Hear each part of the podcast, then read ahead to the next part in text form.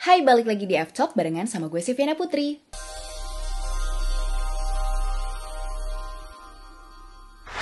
Nah, selanjutnya kita langsung masuk aja nih ke episode kedua dari F-Talk. Kalau kalian ngikutin berita-berita yang ada di Twitter dan juga mungkin yang ada di media nasional, pasti ini adalah salah satu berita yang lagi viral sekarang nih. Yap, tentang Livy Chang atau selanjutnya akan gue aja dengan Livy Zhang. Gue akan kasih sedikit background ceritanya, meskipun gak akan mendalam karena bukan tentang dia yang akan gue bahas secara mendalam di video ini. Nah, Livy Zhang ini adalah seorang sutradara, produser, dan juga pemain film yang waktu itu hadir di Indonesia dengan nama yang udah gede banget dan diberitakan oleh media-media nasional di film dia Brush with Dangers yang waktu itu katanya dinominasikan di ajang Academy Awards yang which is adalah ajang bergengsi film dunia internasional, ya nggak sih? Jadi katanya dia dinominasikan bersama 300-an film lainnya di tahun 2015. Nah, tapi setelah dulu 2015 dia diberitakan oleh media-media nasional dengan nama yang sangat positif, dia kembali sekarang diberitakan menjadi viral karena namanya justru yang negatif. Jadi dia dianggap memberikan kebohongan kepada publik tentang film-filmnya yang, eh, yang selama ini dia gadang-gadang tuh masuk ke nominasi Oscar atau juga masuk ke Madrid Film Festival yang ternyata dianggap sebagai pseudo festival atau festival yang gak terlalu eligible gitu kan. Dan juga salah satu mungkin yang jadi uh, bikin gue tahu tentang berita ini waktu itu adalah tweetnya dari Joko Anwar itu yang akhirnya membuat gue tahu tentang Livi Zeng ini sendiri gitu loh ya. Katanya sih hal ini tidak akan terjadi dan orang-orang seperti ini tidak akan ada kalau wartawan atau pers itu melakukan cek dan recheck. Nah, di sinilah yang akan gue bahas lebih mendalam nih, bukan tentang Livi Zengnya, tapi tentang cek dan recheck yang dilakukan oleh seorang jurnalis dan juga wartawan. Nah, kenapa sih akhirnya gue nganggap kalau misalnya hal ini lebih penting buat dibicarakan dibandingkan ngebicarain tentang Livi Zeng yang udah banyak nih orang-orang yang ngomongin ya. Linknya bisa gue kasih juga di bawah kalau kalian pengen tahu lebih lanjut lagi tentang Livi Zeng. Tapi kenapa soal cek dan recheck dan juga pemberitaan Livi Zeng ini menjadi lebih menarik buat dibicarakan? Karena kalau kalian tahu dan juga uh, mungkin kalau kalian waktu itu menjadi bagian dari hal itu di tahun 2015-an ketika nama Livi Zeng ini sangat harum dan juga sangat positif di dunia perfilman dengan Brush with Dangers-nya waktu itu yang menjadi buzzer dari yang sekarang dianggap kebohongan atau juga hiperbola dari seorang Livi Zeng itu adalah media-media nasional itu sendiri. Dan mereka adalah media-media besar yang bisa dibilang menjadi acuan banyak orang ketika ingin mendapatkan berita-berita. Ini miris banget gak sih kalau menurut kalian? Karena kalau menurut gua, media-media nasional yang besar seperti itu harusnya sudah bisa dong menjadi acuan dari masyarakat ketika pengen tahu nih apa aja yang terjadi nih di dunia sekarang. Emang bener nggak sih film ini seperti ini? Emang bener berita ini seperti ini? Tapi ternyata mereka justru menjadi buzzer dari yang sekarang dianggap kebohongan oleh publik. Nah, kenapa sih sebenarnya hal ini bisa sampai terjadi dan ini terjadi kepada media-media nasional yang sangat besar. Kalau menurut gue ini kesalahan yang sangat basic banget dan sebenarnya sangat bisa dihindari, yaitu masalah disiplin verifikasi data atau cek dan recheck data sebelum kalian memberitakan semuanya. Bener nggak sih? Nah, sebagai lulusan komunikasi yang juga waktu itu mengambil program studi jurnalisme, mungkin gue akan sedikit sharing nih tentang eh, hal-hal uh, yang berhubungan dengan verifikasi data dan apa sih sebenarnya yang harus wajib dilakukan oleh media-media sebelum pemberitaan itu masuk kepada masyarakat. Jadi, kalau kalian sebagai anak jurnalisme pasti tahu dong ada salah satu buku suci dari para jurnalis ini sendiri. Namanya 9 elemen jurnalisme yang kemudian dirombak sekarang ditambah menjadi 10 elemen jurnalisme. Buku ini ditulis oleh Bill Kovac dan juga Tom Rosenstiel di tahun 2001. Gue mungkin akan sedikit sharing nih tentang elemen-elemen apa aja dan juga mungkin mengingatkan buat kalian para jurnalis yang nonton video ini dan mungkin udah agak lupa nih tentang elemen-elemen yang harusnya kalian masukkan dan juga patutnya menjadi dasar kalian ketika kalian menulis berita untuk sebuah media. Jadi yang pertama itu, kewajiban jurnalisme itu berada pada kebenaran. Jadi ketika misalnya kalian seorang wartawan atau seorang jurnalis dan mencari data, menggali data dan juga mengolah itu menjadi sebuah berita, hal pertama yang harus menjadi yang masuk atau menjadi top of mind kalian sebagai seorang jurnalis adalah apakah ini adalah sebuah kebenaran yang ketika kalian olah informasinya ini akan sangat berguna dan juga bermanfaat untuk publik. Yang kedua, loyalitas e, seorang jurnalis ini harus terletak kepada publiknya atau masyarakat atau citizen di sini. Jadi, yang membedakan jurnalis dengan humas itu di sini. Ketika lo sebagai jurnalis, apa pun berita yang lo buat, apa pun data yang lo gali, itu semuanya harus lo olah dan ini kepentingannya harus memihak kepada kepentingan bersama atau kepentingan publik. Sedangkan kalau sebagai humas, ya kalian bebas. Di situ ketika namanya kalian sebagai humas, kalian memberitakan sesuatu yang bisa berdampak positif bagi orang yang kalian bela atau orang yang membayar kalian atau tempat di mana kalian bekerja. Jadi itu bedanya berita yang ditulis sama humas atau juga berita yang ditulis sama jurnalis. Di poin ketiga inilah yang akhirnya membedakan antara jurnalisme beneran dengan infotainment gitu. Jadi ketika uh, kalian adalah seorang jurnalis dan kalian adalah seorang pers yang ingin memberitakan sesuatu, ketika kalian melihat elemen ketiga ini, kalian benar-benar memberitakan itu semua apa adanya dong, ya nggak sih?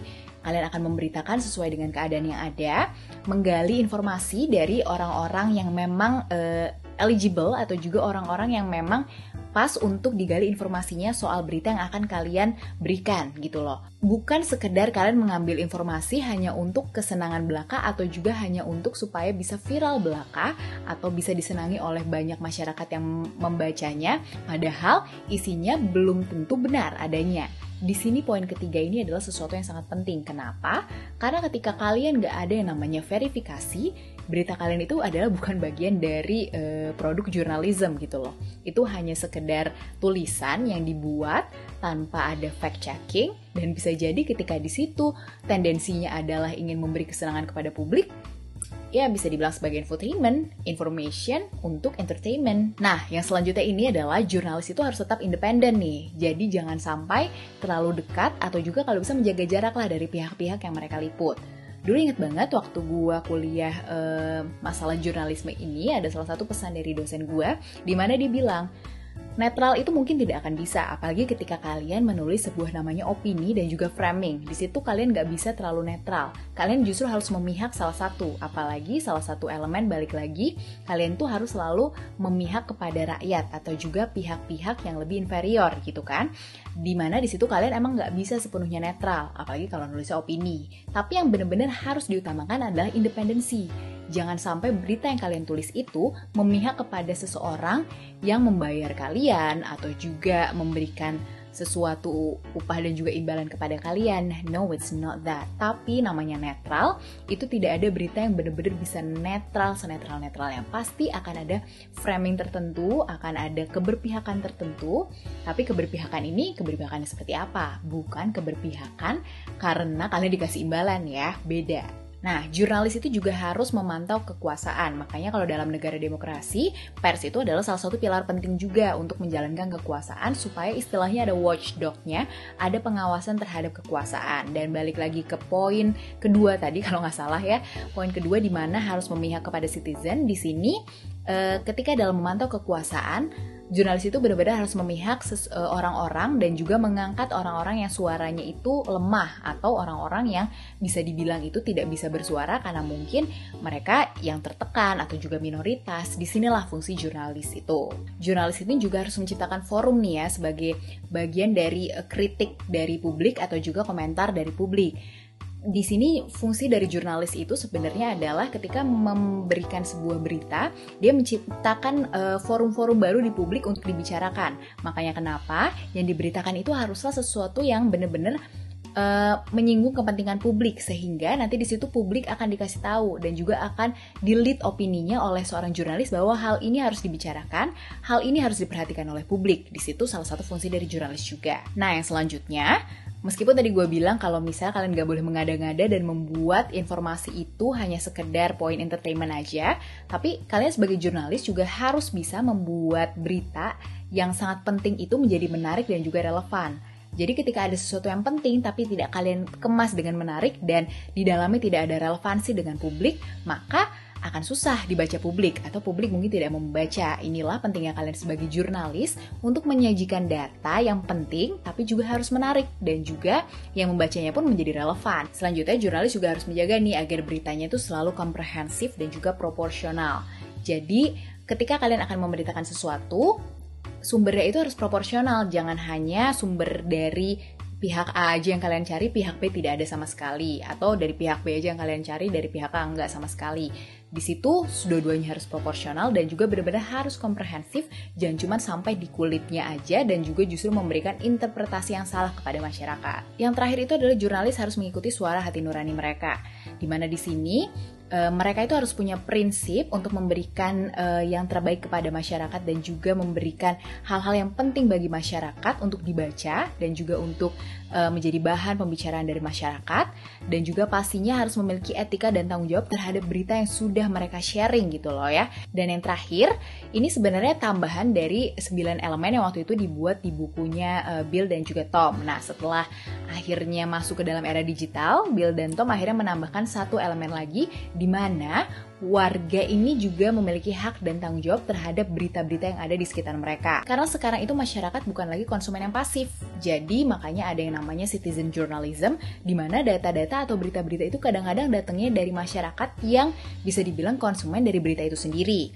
Nah, sebenarnya pada kasus Livi Zeng ini sendiri, bisa dibilang citizen journalism itu sangat-sangat berpengaruh terhadap maraknya pemberitaan hiperbola dari uh, karya-karya Livi Zeng ini sendiri. Banyak yang menuliskan dalam blognya dan juga banyak yang komentar-komentar menyetujui hal-hal yang dilaku, uh, diberitakan oleh media nasional. Jadi tanpa fact checking lagi, tanpa mereka cek dan dicek lagi sebenarnya ini benar atau enggak gitu kan. Mereka akhirnya menjadi buzzer dari itu sendiri. Inilah yang menjadi penting kenapa poin ke-10 ditambahkan oleh Bill Kovac dan juga Tom karena mereka menilai masyarakat benar-benar sangat berperan penting terhadap berita-berita yang tersebar sekarang. Last but not least, ini mungkin pesen ya buat kalian sebelum baca berita dari gue sebagai orang yang juga pernah uh, mengambil ilmu di bidang jurnalisme dan juga pernah menjadi reporter dan juga mungkin berangkat dari pengalaman-pengalaman gue sendiri yang ternyata ketika membaca sebuah berita tanpa gue fact checking itu bisa jadi kadang-kadang berita itu juga nggak bisa full dipercaya. Jadi Meskipun kalian sudah membaca sebuah berita di media yang menurut kalian itu media terpercaya, akan lebih baik ketika kalian cek lagi ke sumber lainnya gitu loh. Nggak ada susahnya kok tinggal cek lagi ke berita-berita lainnya. Atau bisa juga kalau kalian sekepo dan sepenasaran itu dan itu sebenarnya lebih bagus, mungkin kalian bisa langsung cek ke sumber primernya gitu kan. E, bisa langsung ke orangnya kalau susah ke orangnya atau juga mungkin cari ke sumber-sumber lainnya. Dan kalau kalian nggak terlalu percaya sama berita itu, please jangan langsung share kalau kalian mau sharing, mendingan kalian sharing lebih kepada ini bener gak sih menurut lo berita ini gitu kan. Jadi lebih kepada memverifikasi dan juga sharing kepada orang lain. Tapi jangan sampai kalian sharing itu sebagai sebuah kebenaran, padahal kalian belum tahu tuh sebenarnya berita itu benar atau enggak. That's a wrong thing to do. Right? Nah, yang selanjutnya mungkin ini salah satu pesan juga dari gue sebagai pembaca berita dan juga ya bisa jadi uh, sebagai seseorang yang sangat menggantungkan kepercayaannya kepada berita-berita yang ada di media sekarang gitu ya. Dan ini gue tujukan kepada para pers, kepada wartawan dan juga orang-orang yang menulis berita, mungkin bisa di blog ataupun di mana pun itu kalian sebagai para influencer yang suka menulis berita juga gitu kan. Ingat, fact checking is a must. Oke, okay? it's a it's such an easy thing to do but difficult at the same time gitu kan sebenarnya itu sesuatu hal yang mudah dan sebenarnya harusnya dilakukan dan wajib dilakukan oleh uh, setiap jurnalis dan juga setiap uh, pers gitu kan tapi sayangnya kok rasanya kayak susah banget gitu dilakukan sampai akhirnya Hal ini tidak dilakukan oleh banyak media pada kasus Livi Zeng dan akhirnya menjadi sebuah kebohongan publik. So that's it for today. Mungkin itu aja yang bisa gue sharing tentang potret media yang ada di Indonesia sekarang nih ya dan juga dikaitkan dengan kasus Livi Zeng yang sekarang lagi viral banget dan mudah-mudahan berguna buat kalian semuanya. Oke itu aja dulu dan sampai ketemu di episode selanjutnya dari F-Talk. Bye bye.